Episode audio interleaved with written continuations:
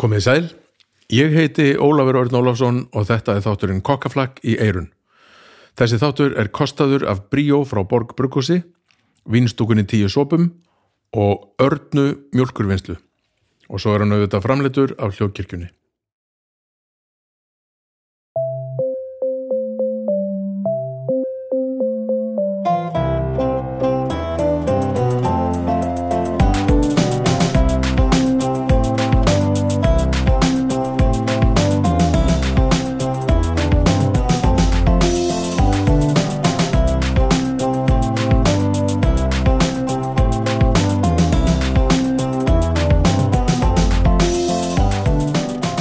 Já, góðan og blessaðan daginn, komið sæl og komið blessuð og verið svo hjartanlega velkomin í eh, hlaðvarpi mitt, kokkaflakk í eirun.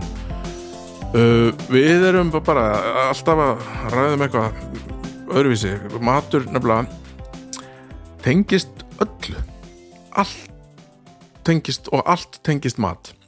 Ég meina, við borðum öll að minnstu kosti tvisvar ef ekki fjórusunum á dag og erum að narta í alls konar og millimála og allar svona þú veist, yðinbyltingin var að stóru leiti snýrst um mat uh, matur bara kemur einhvern veginn við allt F f- sko upphaf mannkins snýrist eingöngu um að lifa af og verða sér út um mat og borða og stór hluti af Íslandsögunni snýrist bara hreinlega um að lifa af og verða sér út um mat og borða þannig að matur tengist öllu og mér, ég hef lengi verið upptekinn af a- alls konar svona hliðavinglum af mat og hvernig hvernig við skilgrænum okkur í, í tengslu við mat og það er svo sem þeir sem hafa hlustað á þess að þetta hafa svo sem áður heyrt mig velta uh, því fyrir mér hvernig stendur á því að matur getur verið kynjaður hvernig hérna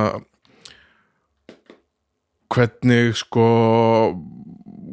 það er kallar borða öðruvís en konur og hvernig það, það byrjaði og svona og ég var einhver bara að hugsa þetta og, og þá myndi ég eftir að einn vinkona mín sem að við erum með sér saman í mataklúpi þannig að hún tengist svo leiðis hún heitir Marja Hjálmtistóttir hún er kynjafræðingur og hefur verið að velta þessu fyrir sér og er að kenna kynjafræði í, í mentaskólum í kókbói sem að vill til að er emitt hérna kennir kokkum og þjónum og kjötinamönnum og bökurum og, og, og svo- svoleiðis fólkið þannig að hún tengist, tengist bransanum líka svolítið En ég hafði samband við hérna og baði henni um að koma og að því að hún hefur áhuga á nákvæmlega þessu og við rættum þetta bara daldið í, í, í fram og tilbaka komist svo sem ekki að nefni niðurstöðu held ég, ég veit ekki, þeir þurfum bara að hlusta til þess að tekka á því.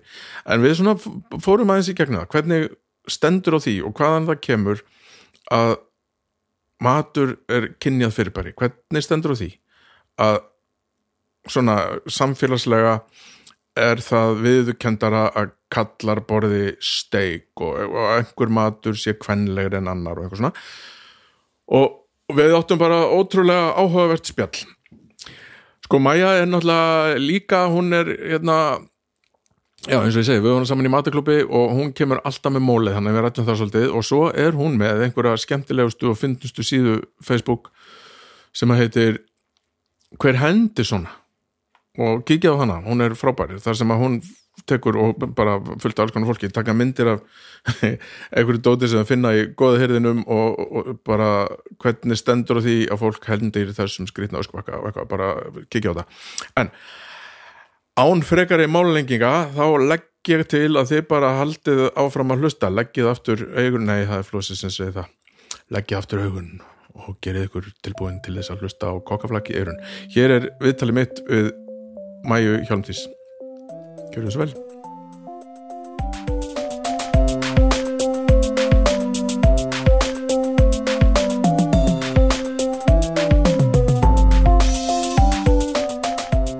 Herri, nú er ég bara búin að íta á rekk þannig að ef þú ætlaðir að segja einhvern dónlegt og ljótt um einhvern Já, nei, þá skaltu ekki, að það er að segja að þú vilt ekki að breytist já, nei, nei, nei, nei.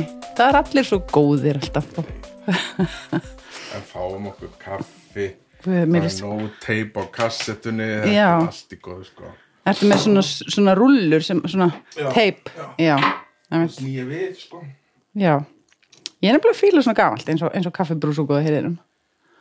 Ég veit það, þetta er svo kemur fólk enga sem bara elskar hana kaffibrósa sko. og það er fullt af svona kaffibrósum í góða henni Daglega. Ég geti byrjað að sapna þeim. Já, Vá, hvað fyrst þetta var til svona í sveitinni þinn gamla Já. daginn og amma átt um alltaf bara, ég borgaði 300 gallir um- hann Já, fólk er nefnilega í krónisku nostalgiukasti þegar það fer í góða herðin. Það er svo ég fer skemmt. alltaf oft í góða hérna sko Akkur hittust við þá ekki þar? ok, ég fer ekki eins oft og þú sko. Ok. Ok. Touché. Tölum að Nei, byrjum á því bara Góða herðin. Já, byrjum á góða Já. hérna Því mér finnst þetta svo ógæslega áhugaverð Þetta er ein- ein af mínum uppáhaldsíðum á internetinu Það, hvað heitir hún þetta? Hver hendi Já, svona? hver hendi svona? Hver hendi svona? Þetta, þetta, þetta, þetta var eiginlega bara svona, þetta er eiginlega bara slís, en þú veist, ég verð að gefa ferðum mínum tilgang. En af hverju, er þetta ferða þarna sérstaklega út af þessi síða? Nei, sko, Ok, útskjörum aðeins hvað þessi síða er já, Þessi síða er sem sagt mi- þú já, á Og svo núna og nokkru- 11.000 manns á Facebook Já, að- sem tekur myndir af einhverjum hlutum í í góða heilinum og, og nýtjamörkuðum almennt. Já, En sko ég á heima tiltölulega nálægt góða heilinum í göngufæri og ég er með batna á leikskóla rétt hjá þannig að þú veist, ef að ég er búin að snemmi vinnunni þá er þetta svo góð svona, svona hugleðsla skilur til að vinda ofan af sér þeirra björn áður en ég fer að sækja batni. Ok, Já. já. Þú veist, en ég fer eh, og, og, og fyrir mér er þetta svo rosalega núvitund að ég hef sko lappað á sýstu mína í búðinni af því að ég sá hann ekki Þú veist, ég er bara að horfa á dót Og þetta er ógísla fyndið, það er alls konar eitthvað svona, það er svo skrítið ég veit að það er til svo mikið af skrýtnu og já, sko, ég ímynda mér stundum að fólki í góðherinum mm. sem stjórniðar já, finn eitthvað -hmm. sem það veit að þú kemur og tekur mynda þau nipp í mig núna Aha. komdu maður, ég ætla að sína þér mér var að hugsa til þín og þá er ég alveg bara ok, hvað er í orðin þú tónir eitthvað kvart leðtói og svo sagði konum um daginn sem er að vinna hann að vinkona mín hún sagði Guðmarið þá svo fyndi það kom hérna bara hlaupandi kona sem hefur aldrei koming áður og ég bara ég verða að finna hennan hlut sem ég sá á Nei, á síðunni. síðunni. Já, og þá var hún bara alveg í einhver bara svona desperation kasti og hún varð að finna eitthvað svona sér ógísla fyndið og ko- all, bara allir góða heyrinum út að leita bara hvað var þetta? það var þessi kona vinkonaðin í góðherinum var hún vinkonaðin áður en hún, Nei, nei, þú kynntist henni þar já þetta var svona eins og þegar ég var á ölstofni kannan þá var ég farin að helsa dýravörunum já nú helsa ég starfsfólkinu góða heyrinum ég er bara búin að skil og breyta maður verður að tilheyra einhver staðar Jú, jú, það er skilurðu, satt. þú veist. það er svona, sumir fara í krossin og þú fyrir Ég fer í góðherinum en Góðheirin. er ekki, það er alveg dyraverðir í góðherinum líka jú, og hann er vinn minn ég skipti það er bara framfyrir öð kannski það ég hef svona VIP passa nei, En ég, fa- ég, ég sko ég hef til dæmis einhvern tímanum daginn svona mitt VIP moment í góða hyrðinum það var þegar að hérna e, pósakerfi hrundi það var bara eitthvað svona pósakerfi Ísland hrundi og allt í, þú veist, fokk bara og allir út í hraðbanka og ekki hægt að borga neitt Já. þá mátti ég bara fara heim með gósið af því þið vissi ég myndi koma daginn eftir já, bara þetta, já, hafðu nú ekki ágjur þessu farið bara með þetta heimari minn þú kemur bara aftur í morgun og borgar þetta Gísla fyndi. Já. Herri sko, þetta er podcast sem snýst um hérna mat já, og það eru ímsar matatengingar sem ég hef við þig sko. já, Ja, Hárrétt. ok, ímsar, tvær.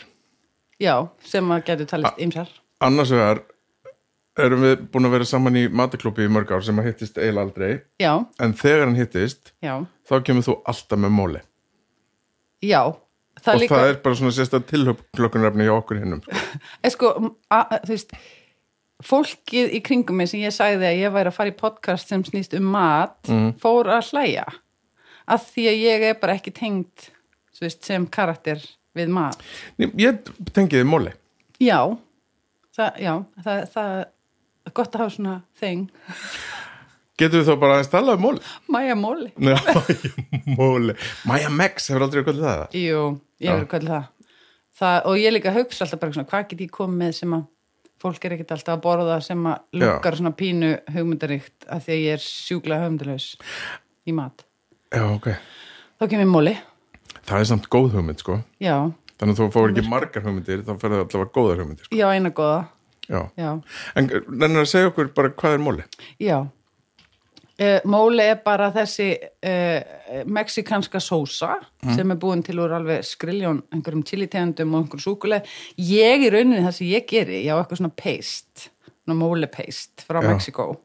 Þetta er mikill þjóðaréttur en ég hérna, ég set bara kjúklingasóð og söðusúkulegi út í og þá er ég bara góð þú veist. En er þetta, eh, sko, er þetta frá einhverju svæði í Mexiko? Eða er þetta, já, móli er sem sagt, það er til grænt móli og brúnt móli og svart móli og alls konar móli Já. en svona aðal móli tengt við pub- þýðir móli eitthvað? ég held að þýði bara, þú veist, gums eða eitthvað, Já, okay. veist, ég veit ekki, það- ég held að segja mjög ómerkilegt Slumma. já, bara eins og eitthvað svona chili con carne Já, já, sem já. er bara eitthvað bleð, þýðir ekki neitt eða, þú veist, eða deja vu þýðir bara ekkert gall á, ég sé þetta þar ok, Þú ert spænsku kennar ekki? já, jú, jú, rétt já, en, en sko, já, ég held að móli standa ekki fyrir neitt eh, merkilegt, sko, en það kemur frá Puebla, það talar móli Poblano, sem er Já. sem stað frá Puebla hér aði Eh, og þetta er bara svona sko, matagerða listin í Mexiko er á heimsminjaskrá UNESCO, bara sem fyrirbæri Já. bara já, The já. Culinary Art of Mexico Einmitt. er á, á þessari heimsminneskrá að því að hún er sem sagt, rakin alveg til Azteka. Azteka og allra indjána þjóðanana Já. uh, sem voru náttúrulega hellingur og hvert svæði hefur svona sitt sérstaka þú veist, touch og sína rétti og sína sósur og sem að hafa náð að lifa bara rosalega held ég af þarna allar nýlendur og, og Europafreikju Já, það bættist eitthvað eins við, sko. já, já, Þú veist, á einhvern, einhverjum tímapunkti, ég s- ég bara hef alla mínar upplýsingar úr einhverjum hérna, heimildamindum um Já, já, mexíska já, matargerð. já, já. En eh, ég veit að einhvers einhvern tíma bættist við, sko, til dæmis þegar komu, kom, fóru að koma fólk frá miðaustulöndum Já, að þá f- var farið að búa til taco á svona spjóti, svona eins og hérna, já, svona, eins og kebab, já, hérna, al pastor alpastor, rétt, pastor þýðir hérna smali, já, einmitt, Smala- taco smalans já, rétt, já. Sma, smalatagó. en a- sko, það virðist eins og öfugt við víða annar staðar, þá virðist eins og hafi bara svona að Európu, eða sem svona nýlindu herrarnir Já. hafi bara þurft að vesku Éta koma það sér sem- inn, já, koma sér inn í koma aðeins með sitt inn í það sem fyrir var Já, sko, kannski hefur eitthvað haft með að gera hvað þetta er sjúklega gott. Þú Vilt bara geta þetta. Og það, er- ég hef tekið eftir, sko, Mexikanar sem að búa ekki í Mexiko, Mm. þeir, það sem að þeir gráta mest er, er maturinn. Mm. Það er alveg bara svona eins og við og, og lakrís eða kúlusúka eða hvað maður bara, já, að fá páskak. við sakna ekki ömmu sinnar, Nei, heldur bara bara móli Já. já, En hva- hvað, þú veist, ok, móle er eitthvað svona kassa sem búin er til úr alls konar mismunandi tiljum sem eru þurrkuð og reykt og alls konar, er það ekki? Jú, ég, þú veist, ég, ég, ég, það, ég veit ekki eins og hvað er til marga tilitegundir en það er eitthvað rosa Það er til já, alveg skriljón, sjúklega já, margar. já. og súkulaði, já, því að súkulaði er náttúrulega upprunni þaðan ekki náttúrulega s- mjólkusúkulaði heldur bara, þú veist, Já, kakobönnin. svona hérna, svona jóka Guatemala súkulaði án þess að ég ætla að fara eitthvað út í þá sálma Nei, en það kakobönnin vex já, þarna, já, bara bi, er ekki bitur Já, Hún mjög er beisk, bitur. já, bisk já. en hérna e, já, ma, svo setur maður aðeins söðusúkulega út í til að skerpa súkuleginu já, og svo er bara rosalega gott að bara þetta með kjúkling og lauk og bönnin. kóriander Já. bönum, já, tortjum Ymmitt. Síðan er önnutenging, sko, Hmm. Já. sem er mikilvæg, af því mér Já. finnst mikilvægt að tengja þig mat, sko. já, það er nefnilega sjálfsmyndi mín er ekki þar mér finnst þetta nefnilega svo skemmtlegt Já, þú náttúrulega kennir í kokkaskólanum. já, án þess að þekka neitt um hann Ef við, já, nei, já, rétt Þannig að það eru konar tveir tengingar við mat. já, rétt En já, þau sem hafa hlustað á þetta podcast hafa hugsanlega mögulega tekið eftir því hvað ég er hérna alltaf hissa á og er búin að reyna að svona einhvern veginn að hérna, velta því upp nokkuð sinnum að því að mér finnst það svo áhugavert kannski ekkit endilega skrítið en mér finnst það minnst að kosti áhugavert hvernig hérna matur er kynjaður mm Mhm. -hmm. steik fyrir kallinn salat fyrir kettlinguna Mhm. og svo framvegis mm -hmm. bjór fyrir kallinn, hvítin fyrir konna og, og, þú veist, þetta og er svona- grillið og, og já, já, já, grillið og salatið og, og hérna borða mikið, borða lítið og allt þetta já, já. og þetta er mér finnst þetta svo áhugavert mm Mhm. -hmm. af því þetta ef maður hugsar um það þá meikar þetta engan sens vegna þess að einhver tíma fyrir þú veist, skriljón þúsund árum síðan Já. hefur fólk vantilega bara borða mat Ég er bara það sem var hægt að fá. já, Já, væntalega. Svo, ko- svo eru til alls konar einhverja svona, þú veist, eftir á skýringar, en náttúrulega allar skýringar okkar á, þú veist, eh, steinaldar tímabilinu og eitthvað, Já. eru náttúrulega sk- sérst, hannaðar með okkar hugafari þannig við vitum ekkert þú veist, það er mega, við látum það bara meika sens inn í okkar einmitt inn í okkar Tilveru. nútíma heimsmynd þannig að maður bara, já, kallarnir borðuðu kjöt og gafu konunum ágangin og þær týndu bönir og þú veist, við vitum ekkert um það og þess vegna ákvæðinu að hafa samanduði vegna þess að þú kennir kynifræði og ert Já. kynifræðingur Mm, þú veist, ég er ekki titluð kynjafræðingur en ég er að klára þú ert að klára mestarnám nám, já. nei, ég er að klára sérst að diplómuna Já. en ég er búin að lesa sjúkla marga bækur Og- já, akkurat og þess vegna hafði ég sambandið þig bara Já. út af mólinu já, og líka vegna sem ég langast alltaf til þess að bara garfa þess í þessu vita svona já, hvernig óskupunum getur staðið á því að einhver tíma var ákveðið að matur væri kynjað fyrirbæri já og Rétt, nei. setti þér fyrir það verkefni ég er búin að læra okkur ég er með svindl með það, sko já, gott, þetta náði hérna Nei, ég man þetta allt, maður man allt allt sem maður skrifur á svindl með, þeir eru svo sniðið með það. Sko, ég, ég hérna, fór á námskeið, eins og ég sagði þér, upp í háskóla, þetta var bara svona örnámskeið sem tók viku hjá þjóðfræðidildinni og þar var maður sem var að kenna okkur bara um mat já, og ég hugsaði bara, vá, maður ég að með mat, þú veist, ég bara, hvað hef ég að gera hingað? Svo byrjaði hann á því að segja okkur, náttúrulega, þið, þið borðið vantilega mat á hverjum degi, mm. veist, uh, jú, uh, þannig að það áttu maður heima á námskeiðinu já, já, já, emitt og svo gæti maður að tekið svona alls konar vinkla og ég náttúrulega er svo heitluð af kynja vinklinum þannig að ég hérna prentaði út alveg greinarnar sem tengdist í og mér finnst þetta svo áhugavert og þar vorum við að skoða rosalega mikið sko hvernig mat, við notum mat til þess að svona eh, bara svona eins og doing gender, doing meat doing, þú veist, eins og við leikum út svona hlutverkin sem við setjum okkur í típunar sem við spilum okkur, það fattur við nei, nei, ok, gott nei, já, ertu að meina að við, við búum okkur til einhvers konar sjálfsmynd Já. sem að við svo hérna Við reynum leikum að passa hana. inn í já, Þú veist, við- ég kaupi mér svona föt hér já, til að passa inn í af þetta því að ég ætla að gefa mig út fyrir að vera þessi típa Já, ég skil. vil að þessi tekja að marka mér þarna í viðskiptaheiminum Já. þá klæði ég mig ekki, þá, er ég ferð ekki þú alltaf í góða hyrðinum nei, þá skilur. ferð þú í drakt já, svolítið þannig og við notum matrúslega mikið til þess að s- s- s- bara leika eða, eða hérna svona hva, hvernig myndir þú segja hérna til að búa til einhverju sjálfsmynd Já, og bara sína hver við erum og sína, eða, þú veist, þetta er bara hluti af, af uh, já, sjálfsmyndinu sem við búum okkur til og þá ertu með, þú veist, fólk sem að lifi til að borða og borða til að lifa og þá ertu með, sko, kallmennskuna og því lengra sem þú ferð í áttina svona kallmennsku, kallmennsku, kallmenn, kallmenni já, þá eru meiri líkur að þú sérst bara eitthvað út að veiða og geti blóð og steik og, Já, og, og vilji grilla grilla og- þig yfir sko opnum eldi og bara ó, og, þú veist, Já. þá er það alveg þar og, og konur eru síðan skilgreindir út frá því oft hvað það borða ekki já, skilur við veist, þær eru það var- miklu meiri að borða ekki eitthvað emitt og, og, sko, og, svo, og þetta var sér að þetta er í rauninni sett upp sem að í, í uppáhaldsgreinni minni Mm. sem ég gerði svindlmiða úr að það, að, það var þetta hugsa sem tvískipt annars vegar ertu með sko bara ef þú setur bara kynin upp sem andstæðu pari kall og kona þá ertu bara með macho menn og þú veist alveg bara konu konu Mhm. já, og þá ertu með kjöt og salat já, og, og hérna og það er svo skýr leið til að skoða þetta þú veist, ef þú ert bara með kalla kalla og konu konu Mhm. já, setja upp öfgat- öfgadæmi Já, og svona svolítið eðlis, þú veist, karla, það er bara svona eðli karla þurfa kjöt og þeir þurfa, þú veist, eitthvað. en, en konur þær er að passa línurnar og þær borða salat og, og kallar sem að borða salat í, sko, ef þú hugsar þetta svona, að það, þeir noti yfirleitt konurnar sína sem afsökun, að hún lét mig vera, hún Já, lét mig hún- bara í mægrun, já, hún er já, er að það? láta mig borða, þú veist, eitthvað. Já, og, og fá Kanínufóður? svona svolítið hotna, hvað ætlaðu þú bara að fá því salat? Já, hvað geta borða almennan, almennan mat? Já, já, já, Þetta er bara með eitthvað kanínufóður, eitthvað gras, alltaf kanínufóður, eitthvað, þú veist. Af því Það er svona, það er svona ekki alvöru og svona alvöru máltíð, sko, verður innihald að kjöt og karteblur, já, þannig að ekki alvöru, einhvern veginn. Og það er svona, þá er kjöt sjúkla miðlægur f- hlutur Já. í mat og kallar, e, þeir bara svona þurfa kjöt.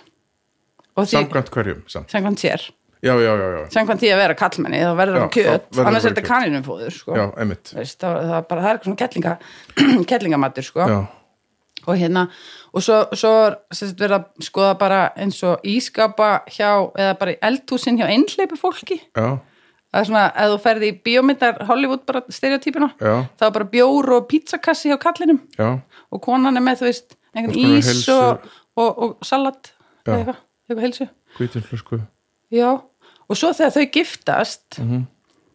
þá kemur við með fjölskyldmat sem er svona mitt á milli spagetti, lasagna Nei, fattir þið? Já. og konur eru meira í svona, svona léttu kjöti, svona kjúkling Já. og fiskur en ka, svona kalla kalla hugmyndi Vilja en það bara er bara kjöt stóra steik. og bara blóður og steik Já, grillað og... Já, og svo, svo ef maður spyr fólk sko, eins og þú til dæmis sem ég hjá þér hvað er borðað um jólin Já, hvað borðum, Já, hvað við borðaði? borðum, við borðum villigæs. Já, þetta er bara allstaðar ef maður spyr fólk hvað er borðað um jólin þá En- segir það alltaf bara kjöti Já, ég veit það, en ég ætla að fara að bæta við, sko. Já. Og villigæsin er hérna tildulega lítill partur af matnum vegna þess að allt meðlætið er miklu, miklu Gumsið, meira, sko, já og betra. Og í rauninni heima hjá mér er þetta orðið svolítið þess að kjötið er orðið bara svona mjög lítill partur af máltíðinni af því að, sko, bræðið kemur allt úr öllu hinnu, sko. Ég veit það, maður getur getið eða hvað er kjöt sem er að það er bara með góða sósu Já, og, og ég meina bræðið kemur á græmitinu.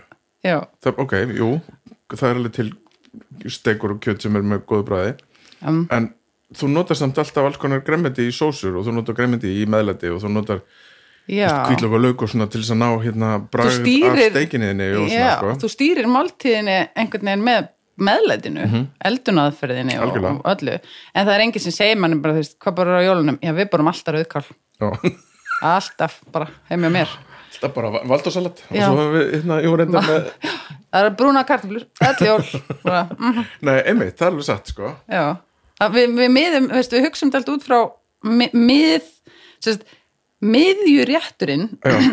uppistandið einhvern veginn uppistandið, upp í staðan uppistaðan Já. er kjötið En það getur það verið vegna þess að það var kannski þú veist, einsinni bakið þetta og Mhm. sennilega ennþá er, er það sá hlutum allt hérna sem er erfiðast að ná í Þú getur tínt við skulum ekki vesen að gera rauðkál Nei. Já, þú Ég getur veit samt bara farið út í garð og já, bara, já, já. tekið sko upp það er úr náttúrulega moldinni og- dýrt það er ekki erfitt í dag Mæni, en það er dýrt það er dýrt, já uh, ég veit það ekki en, Nei, En sko- samt er fólk að fara í alls konar vesen til að finna eitthvað truflusveppu já, ég veit að það er ótrúlega mikið við það eru líka dýrir já.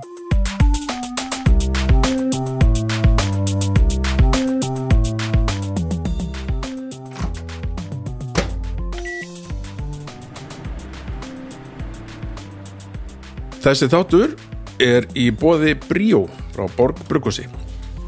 Bríó þekkjum við nú öll vel. Bríó er gamal gróin bjór sem var fundin upp á vínstúkunni og, og Stengrimur Eifjörð listamæður bjó til nafnið á eins og við höfum svo ofta talað um. Uh, að því honum fannst svo gott að vera bríó sko. hann er bara þegar hann er búin að drekka dóltið að bjór þá verður hann bríó og það er svo gaman og þannig að bjórin hétt það Uh, Bríó er uh, alltaf búin að vera til í ískapnum hjá mér og er búin að vera bjórin sem að ég hef bara sennilega drukkið mest af síðan hann kom á markað enda frábær en við ætlum nú ekki að tala um það núna hér vegna þess að við ætlum að tala um Bríó hinn óáfenga sem er tildulega nýkomin á markað og er til bara meir og minna í uh, öllum maturveslunum víða um landið, hann er til í krónni og, og allavega og krambúðinni og, og, og hérna hér og þar, ég veit ekki hvort hann er í bónus ég, það bara komst að því, tekkið bara á því og ef þið sjáuð hann í búðinni endilega kippið með ykkur kippu á honum af því að hann er ógislega góður hann er bara uh, þú veist, þó hann sé áfengislaus þá er hann samt bara með allt bragðið sem að þú færið hann og bjór, það er mjög, mjög mikið hann er þurrhumlaður mikið hérna bragð á honum og maður getur bara drukkið hann allan daginn án þess að, hérna, og samt bara funkar það í vinnu og alls konar, þetta er bara frábært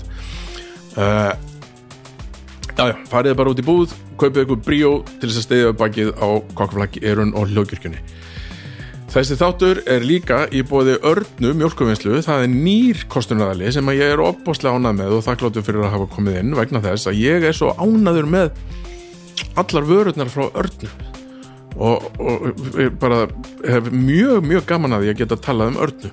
Arna mjölkuvinnsla er í Bólungavík á Vestfjörðum og sérhæfi sig í framleiðslu á laktosafríum mjölkuvörum, þar að segja án mjölkusikurs.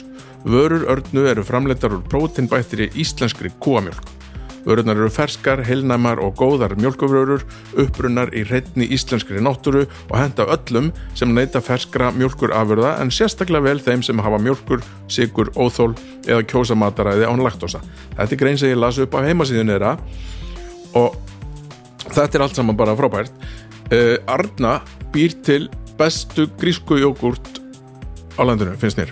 Hún er alltaf til í ískapni hjá mér og ég borða hana mikið. Ég borða hana í morgumat, með hérna ávöxtum og musli ég set hana í allar mögulegar og ómögulegar sósur uh, hún er hérna hún er þykk og feit og bræðgóð og, og mjög svona get, já, hægt að nota hana í fjölbreytt ég, ég hérna, set hana þegar ég gerir nanbröð þá set ég gríska jógurt í brauðið þegar ég hérna á s- súrdeginu uh, og bara allstaðar þar sem er kallað á sírðan rjóma þá nota ég örnu jógurt vegna þess að mér finnst hún jafnvel bara bræði meiri og feitari heldur en sírður rjómi bara algjörlega frábært og tala nú svo í talanum ekki um uh, litlu glerkrukunar með hérna bláberjum og rappa bara var einhvern tíma til og þetta er svona mismennandi, þetta er svona ástíðaskipt og þetta er svo gott og þetta er bara eins og desert og tilvalið til þess að hafa með sér í í næsti hvert sem er eða borða bara í morgumat eða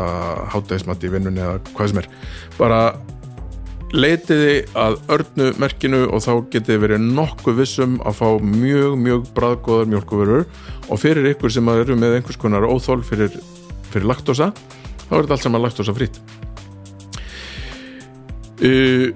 Þessi þáttur er líka í bóði vinstúkunar tíu sopa sem að er lítill kósi notalegur vínbar skástrík veitingahús á eh, lögavegi 27 í kjallarnum þar Þar er mikið úrval af alls konar vínum uh, við hérna við reynum að kappkosta þó að vera með vín frá smá framleiðendum frekar heldur en einhverju svona corporate og það kemur til með, af, af því að þau vín eru yfirleitt svona karaktermeiri og skemmtilegri við erum með uh, sko yfir hundrað vín á, á, á hérna flöskulista þannig að allir getur fundið einhvað við sitt hæfi við, sko, meiri partun af þessu eru náttúruvín og við erum alltaf með opnar svona allavega 8 til 12 flöskur sem að fólk getur keft í glössum þannig að þú getur smakkað það réttri niðurstöð við erum líka með mjög skemmtilegan matseðl svona hérna má segja eins konar tapasrétti svona smárétti,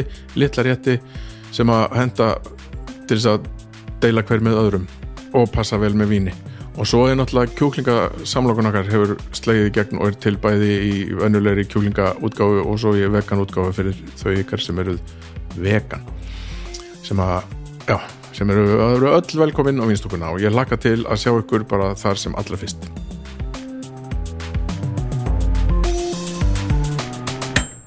En sko, hérna er, hefur eitthvað í þessum hérna, heimavinnunniðinni, er, er búið eitthvað var einhver búin að rannsaka hvenar svona breytist Uh, nei, og svona hvenar einhvern veginn uh, þessi kynjaða hugmynd Já. um mat fer að vera ábyrjandi nei, en sko svona ég get uh, tengt það bara uh, svona í, ef ég fer að hugsa bara í alls konar sem að maður hefur lesið og svona að þá náttúrulega breytist svo mikið sko, þarna bara í einhverju fornöld þegar allt lífi snerist um að verða sér út um eitthvað að ég ætla að lifa Já, já, Þú veist, þannig að voru bara allir í því halda lif- liðin á lífi svo er þetta, tengist þetta ábyggilega bara einhver svona landbúnaðbyltingu þú veist og eitthvað þegar að fólk fer að setja stað og búið til samfélög og þá er hægt að, þú veist þá smám saman e, verður til umframfæða Mm. og þá þarf ekki allt lífið hjá öllum að snúast um að, fa- að útvega mat Nei. og þá er kannski til, einhverjir eru þá í því að útvega mat fyrir fleiri og Mm. þá geta sumi fyrir að vinna við að hugsa eða þú veist, búið til skrift eða bækur eða eitthvað svona alltaf ef, og ef, þá kynjaskipti, sko, þá, verð, þá fer að skiptast í sko eldhúsið, heimilið, konanbönnin já, og kallin akurinn út í samfélagið já, sk- læra að já, já, skrifa þá kemur svo skipti já, og svo kannski verður næsta svona stóra skref -hmm. Mhm. upp úr allavega í- upp úr setni heimstyrjöldinni já, þegar að hérna, baby boomer kynnslóðin -hmm. Mhm. er búin til sko þá náttúrulega það sem gerist þá er náttúrulega þú veist, kallarnir fara allir að drepa konan annan í stríði, Já. við erum náttúrulega vesturlöndum hérna já. og ég meina við fáum alltaf mjög mikið af okkar kultúr bara frá sérst, Evrópu og, já, og bandaríkjónum já, sko. og, og, svo, sem sagt- og konurnar náttúrulega þurfa þá að fara út að vinna í versmiðunum og búið til vopn og svona Já. svo koma kallarnir heim og þá uh, þarf að koma konunum aftur úr vinnunum svo ka- strákarnir fá vinnu mm. og þá hérna verða til svona þá verður auðlýsingabransin til hei, henni er ríksu og velkomin heim, þú veist, fáður upp þetta vel Já. og þá gefur hann að happy housewife típan já, og þá er hún aftur sko, þú veist, og, já, konan er alltaf búin að vera ríkbundin við eldhús rosalega lengi en þannig er sko þannig er markvist bara náði búið til hlutverk bara heima aftur úr- af vinnumarkanum bara hlekki bak veldavelna og þá líka kemur, kemur að því að þá kemur þessi megrunar hérna, já, þú eru falleg já já, það, er- það er rosalega mikilvægt og þarna ef þeir babyboomer kynsluðin þá eru bara hérna, konurnar heima að hugsa um heimilið og bara blúsandi amfetaminið allan Já, taka brosmildar á móti einmanninum inni sko og dablað alveg, já, já. og gefa honum góðan mat Mhm. og það er það er náttúrulega rosalega mikilvægt að vera þú veist, það, það er líka svo mikil hluti af sjálfsmynd kvenna Mm. að kunna að fæða fjölskylduna eina að svona mömmu matur, ömmu matur og þú svona, þú veist Mhm. Við tengjum öll við þetta. pönnukökunar hennar ömmu og það er alltaf bara, ó, það tengir engin afa sinn eitt vola mikið, það er mjög sjálfgæft Já, svoleiðis afar eru undantekning Já. en sko, og meira séu svona frægir kokkar, það er bara besti matur heimi er spagettínar ömmu eða mömmu, eitthvað svona og þetta var eitthvað mamma og svo skoður þau, þú veist, til dæmis matreisluskólan þar sem ég vinn, Mhm. þar ertu með matatæknanám já, og þú ert með matreðslunám já, og það, matreiðslan er fíni dýrimaturinn á veitingahúsunum Mhm. sem er ekki inn á heimili, kallar, bara kallar matatæknirinn, það er að gefa veikum, börnum, mötuneyti heimilismatur, akkurat bara konur Já. þetta er alveg bara þú veist, Já, þetta er nefnilega ógist lágavert. Ég var eins og ég var eins og státtur á, á hérna, matarráðstöfnu í Köpunöf sem heitir hérna, uh, hvað heitir hún? Man ekki, hún man ekki hvað hún heitir. eitthvað dönsku Nei, þetta var svona alls ráðstöfna. Anyway, jú, mat, mat symposium heitir þetta ok, og þar var verið að fjallum alls konar hérna, ekki mat, en allt, alls konar sem tengist mat eins og það sem við erum að tala um núna og eitt fyrirlestur sem ég satt uh, fjallaði um sem sagt, kynjaskiptingu á veitingastöðum já og þar kom kona sem ég, ég því miður mann ekki hvað heitir sem að sagði þegar, þegar spurningin kom hérna, hvernig stendur á því að veitingastæðir eða sem sagt að, að, að matrislæðir er mestu leiti í höndum kallmanna já, á veitingastöðum Já. þá sagði hún bara ding ding ding, nei þetta er bara bull og vittlisa já, kallmenn, kallkins kokkar eru miklu meira ábyrjandi, þeir eru frægur kokkarnir já, meðan að til dæmis svo eru, og þeir eru á hérna fínu fansistöðunum sem að handfylli að fólki hefur efna á því að borða á Mhm. já, síðan ferðu á hérna svo ferðu á morguverðastæðina þú ferðu á hérna etnísku stæðina með, Já. innan gesalappa mömmumat heim, já, etiopískan Ferðu á- mömmumat eh, já, ferðu Já. á hérna, einmitt, ethiopíska, tælenska, kíneska þar er mjög mikið konurelda Já. morgunverðastæðir, hádegistæðir, kaffihús og hún taldi þetta allt saman upp og þetta var svo opnaði svo augum hans já, að maður þurfti bara, þú veist, ég bara andið djúft og bara, já, ok já, maður er bara partur af þessu að búa til einhverju svona menningu Já, já. án þess að endilega, endilega að gera sér grein fyrir því ég veit það og mér fannst svo hressandi að fá þess að hérna, skvettu beint í andlitið Já. og s- bara, hún sagði líka við þurfum að lifta þessu, við þurfum að breyta þessu af hverju þurfum við endilega að vera alltaf bara að hérna einhvern veginn að blási í lúðra þegar að gerist eitthvað gott á fínu veitingastofunum og bara trúð mér, Já. mér finnst mjög, mjög mikilvægt að við höldum því uppi vegna þess að þeir eru mjög oft svona í farabróti þegar kemur að nýjungum og, og það er svona sko. listform Já. og keppnis Já, keppni, já já, en svo er það bara mjög stór partur af því sem að almenningur borðar þegar það fyrir út, að, út Mm. á veitingastæði já og í vinnunni, öllum mötunetunum Já. þar sem er mikið fyrir lítið sko mikið matur, þú Já. veist en, og, og þetta heimilis, það er þessi heimilistenging þú sér það líka bara þú veist, kallarnir sem eru stjörnukokkar já, þeir eru svona herfóringar eins og Gordon Ramsay, allir öskrandi á alla og eitthvað, og svona- svona stjættskipting eldur svona en það kemur að beint úr hernaði Já, já, ég las það einhverstað það nefnilega. kemur bara, þetta er bara þetta er, þetta er, meira að segja Það er kallað bara chef de cuisine. þetta er kallað bara brigade system Já, ok. og það er bara nákvæmlega sama kerfi Já, eins og þetta með bara í, í hernum bara þegar þú ert út á hérna, nema allir með hníf. í orustu, það er allir með nýf já, voru náttúrulega allir með nýju einu sinni Já. í orustum, Já. en þetta er bara sama kerfi Já, það er já, eitt já. sem stjórnar öllum hernum Já, Og og svo hann má eru öskra undirlið- niður á undirsátana. svo eru, já, Já. En svo, sér, og svo koma frægu konurnar þær eru í heimiliseldhúsum í þáttunum sínum Mhm. eða eru bara eitthvað að sleika sér puttan og sjúkla sexi og eru að gera mömmumat, fattur við þær eru bara í allt öðru elementi Já, öðrum feeling Eh? að því að þær eru bara svona og gerur fyrir, þú veist, ammælisveisluna og, og, og, og, og, og þú veist, þær, eru, þær eru bara heima Já, einhvern veginn, þó að það séu samt stjórnu kokkar Já. að þær eru ekki öskrandi, þú veist, þær eru alltaf um karakter það er annar feeling þetta eru sláfáður, en ég ætla að segja þér að því að ég sagði mannstu það var hann að tvískipt hann að pælingin með kalla og konur já, sko, já, það er þetta með sem sagt, bara uh, hérna, fyrstu kynni á stefnumóti að þú, þú sem sagt vilt gefa að þú vilt ekki vera bara einhver svona gæla sem að, þú veist, treður í andlita á sér einhverju resa steik að því þú ert að vera kvenleg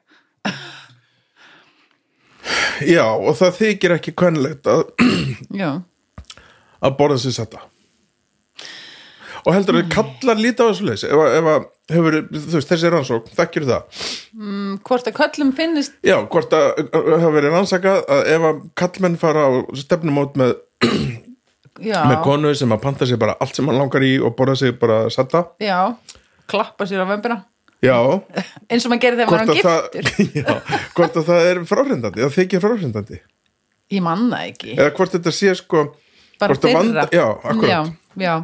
Ég, sko mm, nú veit ég það ekki þú veist allir kallar verða bara að spyrja sig hvað þeir myndi hugsa Þú veist, ég hef ekki aldrei heyrt neitt segja, heyrðu, svo fór ég bara á date hérna með hérna bara þessari át. og hún bara át alveg endalust, sko, ég ætla Já. ekki bara að heita hana aftur, sko. Þú veist, sko, það var dýrt Skilur það, spurningum hvaðan kemur, sko, já, já, pressan pressan, já, já, já hún náttúrulega kemur líka bara rosalega mikið úr samfélaginu menn þú verður að vera grönn og þú átt að vera kvenleg svo var einmitt svo áhugavert sko, eh, sem, eitthvað sem ég las það er svo, það er svo holdt að lesa svo mikið já, hérna, þar var verið að tala um sko konur sem að ná langt í kokkabransanum þær eru oft frekar kallmannlegar já, tengiru?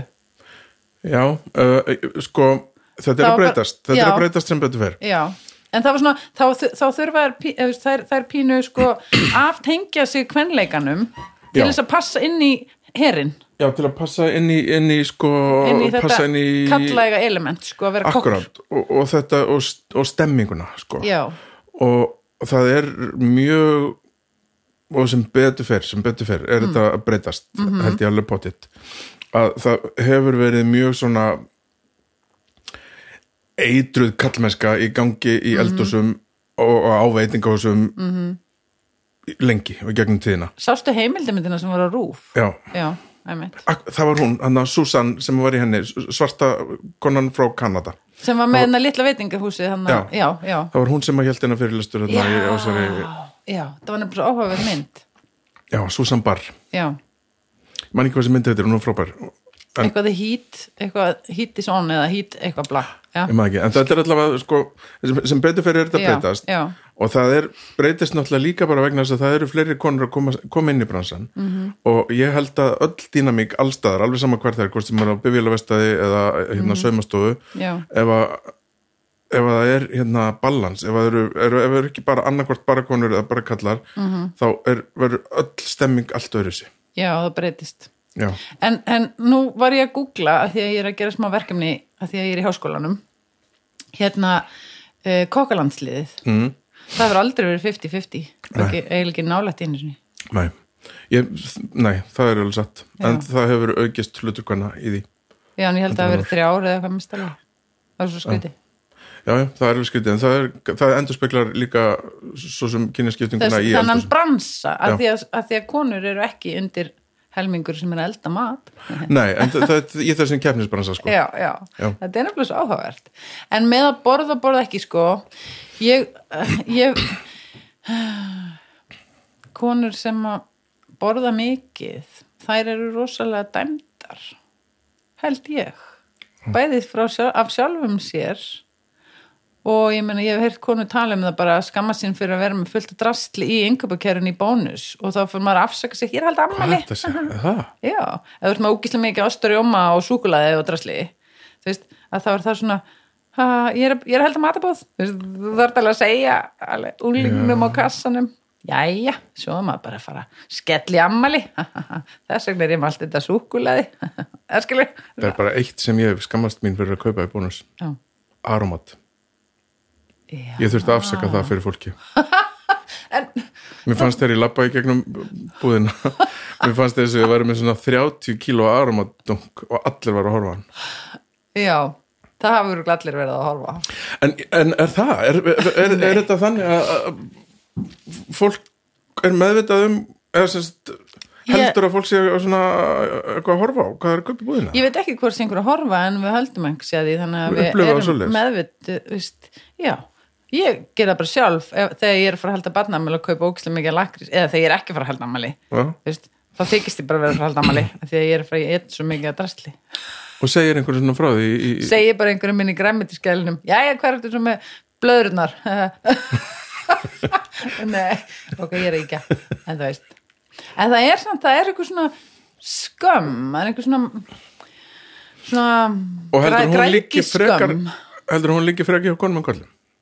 Já, við þurfum svo mikið, við þurfum svo miklu meira að hafa stjórnaði að líka mann okkar má ekki taka ekki mikið plás ef hann er hann stærri en eitthvað þá erum við bara búin að missa hann og þú veist, þurfum að hafa stjórn á hann kallar hafa rýmra leifi þeir eru konir kannski, það er meiri pressa núna að vera eitthvað svona massar og köttar mm þá fara kallar og kallar þegar þeir fitna sko, þá fara þeir í svona kallmannlega mærun keto og Atkins, ég heiti kjötur jóma konur fara í kvenlega mærun og borða duft og salat og fasta og drekka einhverja ógísla djúsa í viku eða eitthvað svona 5-2 eða eitthvað, ég meina ekki hvað þetta heitir. Áhugaverð Kallar fara í kjötmeirun, ég er kjötum. Og ef að kall fer á, þú veist, hérna, hvað heitir þetta, hérna, núbóljett eða eitthvað, þá nota þér oft konuna sína sem afsökun.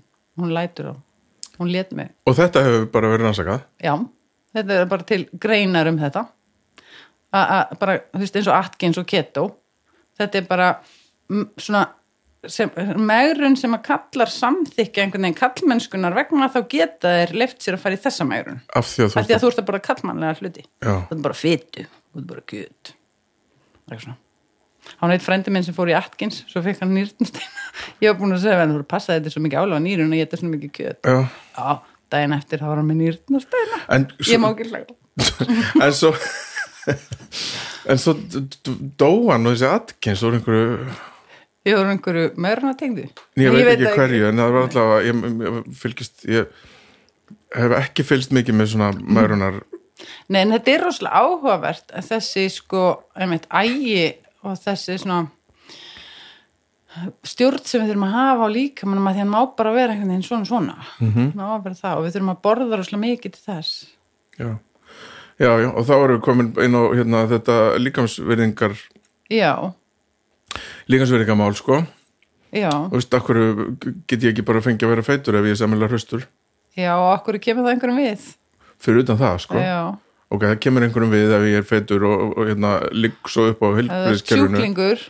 Já, ef ég ákveð að vera hérna, þú veist og, eða bara liggur og Ákveð- reykir og, Já, og, akkurat. og hreyfir þig ekki neitt en ef þú ert bara hraustu feitu maður þá er það bara nobody's business já, er það ekki? Já, ég meina, hraustasta vinkona mín, þú veist, hún er ekkit grensta vinkona mín, Nei, hún er sjúkla lið og sterk og bara alveg já einhvern veginn, bara með frábæran líkama En þurfum við ekki að reyna að breyta sér þurfum við ekki að reyna bara Jú, þú veist að því heima hjá mér borðum við nákvæmlega saman matinn já en það var þetta með sko það, það, sem sagt, í þessari grein hana, þá var, eins og ég var að segja þann það talaði um svona compromise, svona fjölskyldimat Já, þá erum við komið millivegin á milli salatsins og steikurinnar já þetta snýst meira um þegar þú ert út af við hvað þú ert að, hvað, hvaða Já, karakter þú ert að sína já heima finnum við millivegin og getum spagetti og grjónugröð og alls kjúkling í ofni eða þú veist eitthvað, teka masala, kjúkling með hrískunum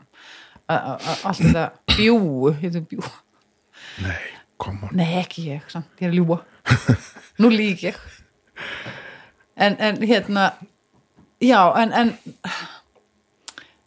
Já, út af við Allir, nei ok, ég ætla ekki að fara ánga Jú, segða Nei, ég var svona bara að pæli, ég var að pæli sko fyrst og þetta í fyrst kynni, kynni um matapælingum hvort að pilsur og svona sé eitthvað fallust Já Það er pottið hægt að fara þangað Og svona þú það veist ekki til þess að það hafi verið verið rannsakað Nei, eggaldin já, nei, já það er nú það er fyrir emoji svona sem er nota bara í Mhm. já, veganmenn borða eggaldin mm og, og hérna zucchini, nei hvað er það er það eggaldin kannski? Nei, það er það hitt, er hliðina já Nei, ég, ok, ég hérna, held að við bara ljúkum eins á því að við Mm. þurfum, mér finnst að við þurfum bara að breyta þessu að hérna, kallar þurfa að hætta að skamma sín fyrir að finnast gott salat já, og konur þurfa að hætta að hérna, skamma sín fyrir að að borða, bara hreinlega ég þetta feitan, sveittan hambúrgara og við þurfum að hætta að láta konur skamma sín fyrir að borða mikið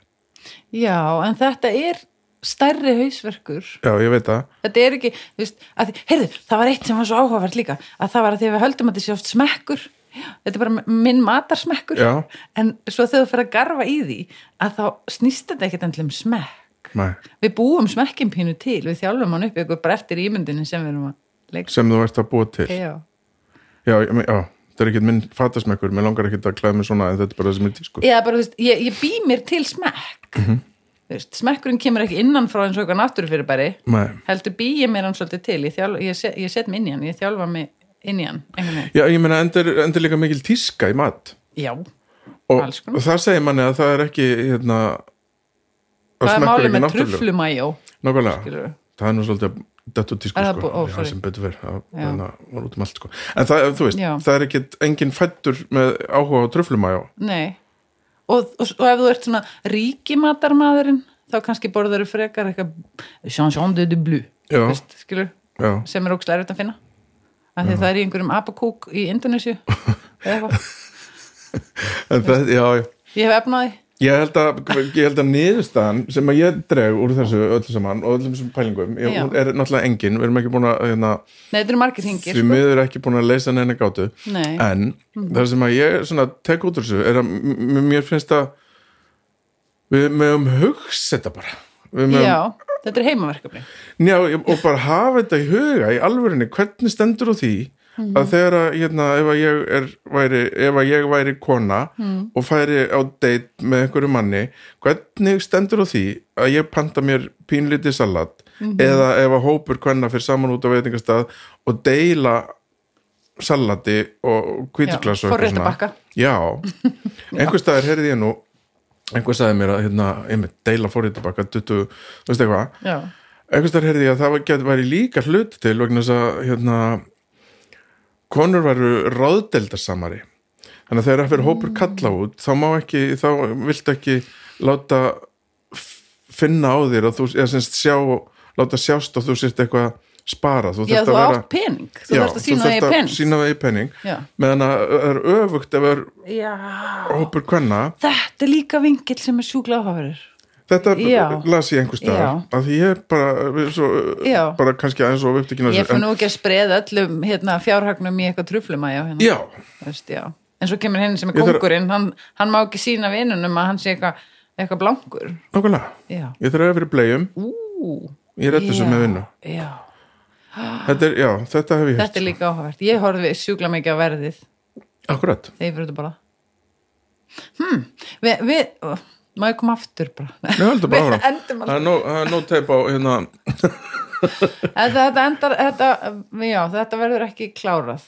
Þetta mál. nei, nei, og, og er, þetta ekki, er þetta ekki bara svona, eins og með allt, að Jú. bara, við þurfum líka bara að vera tilbúin að láta brey- benda og gráða þetta. Já, hlusta bara. Við þurfum, já, við þurfum að vera tilbúin til þess að einhver sé að stútir þetta Mhm. og segi svo, heyrðu, getur verið að þetta sé vitleysa?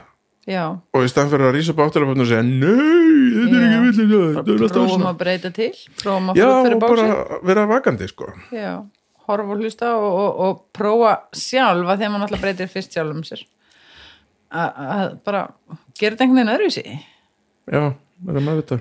Ég ætla, næst þegar ég fyrir að date, nei, ok, vond, vond dæmi. en líka bara tala um þetta við fólk, benda öðrum á það Já, já, emitt, það er það sem við erum að það gera býnir hér. eins og, eins og vírus klukk, ég er að sína þér þetta klukk, Það er það sem við erum að gera hér. Já. Herra, við komumst ekki að niðurstöðu því miður, Nei. en ógeðslega sjúkla gaman að fá því heimsók.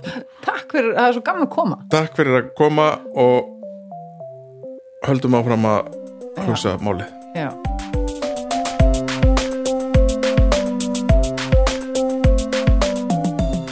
Jips Þetta fór nefnilega bara svona sko Við, hérna, eins og ég segi, komist ekki að neittni niðurstöðu nema kannski þeirri bara sem ég ætla bara að endurtaka hér og nú að hérna, kannski bara allt í lagi að við hugsum um þetta kannski er bara óeðlilegt að hérna, matur sé kynjaskiptu, kannski er það bara eðlilegt, ég veit ekki við bara getum öll haft okkar skoðanir á því en mér finnst bara eins og við tölum um svo sem bara mjög mikilvægt að við veltum því upp og sérstaklega ef að fólk er ekki að b- b- fá sér að borða það sem það langar í á, út af einhverjum til þess að fylla upp í einhverja samfélagslega staðla uh, það finnst mér ekki í lagi þannig að bara pælum hans í þessu hugsa um málið, hvernig stendur á því að ég panta mér þetta á veitingastað og hvernig stendur á því að ég borða annað þegar ég er einn heima, ein heima bara svona, já, já hmm, já, já uh, sko, uh, við ætlum núna að þakka kostunar aðalum þáttarins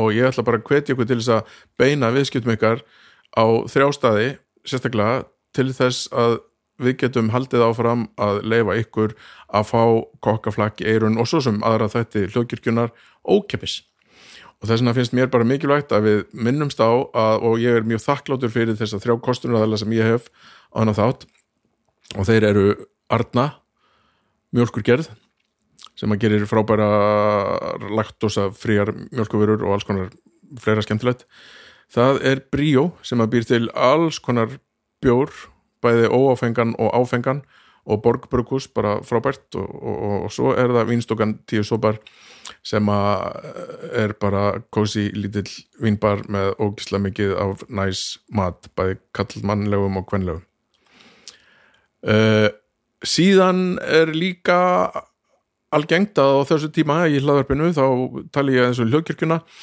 og það er mér bæði ljúft og skilt því að hljókirkjan er algjörlega frábært fyrirbæri sem að er stjórnað af þeim bræðrum Baldri og Snæbjörni Ragnarsinni Uh, þeir eru með nokkra þætti og, og, og hljókirkjan gefur út sex hlaðvörp sem að koma út á virkundum allar vikuna, allar vikur uh, öll eru vikuleg á mánundum er koma þau Baldur Birna og haugur og þau dæma bara alls konar hluti þau bara, hérna, já, já, bara við dættur ekkert í huga akkur núna en ískapur, þau hafa potið dæmt ískap og gefa stjórnur síðan hérna á þriðudöfum kem ég og tala við alls konar fólk og svo á miðvikudöfum þá eru drauga fortíðar og það er að verða bara vinstasta hlaðvarp í Íslandi, það eru hérna Baldur og Flósi með honum og Flósi lesi upp einhverja sögu fyrir Baldur og svo ræða þeir þá sögu og það er yfirleitt ógislega áhugavert og, og, og skemmtilegt og svo auðvitað fara þeir svolítið yfir geðhelsu hvors annars líka sem er mikilvægt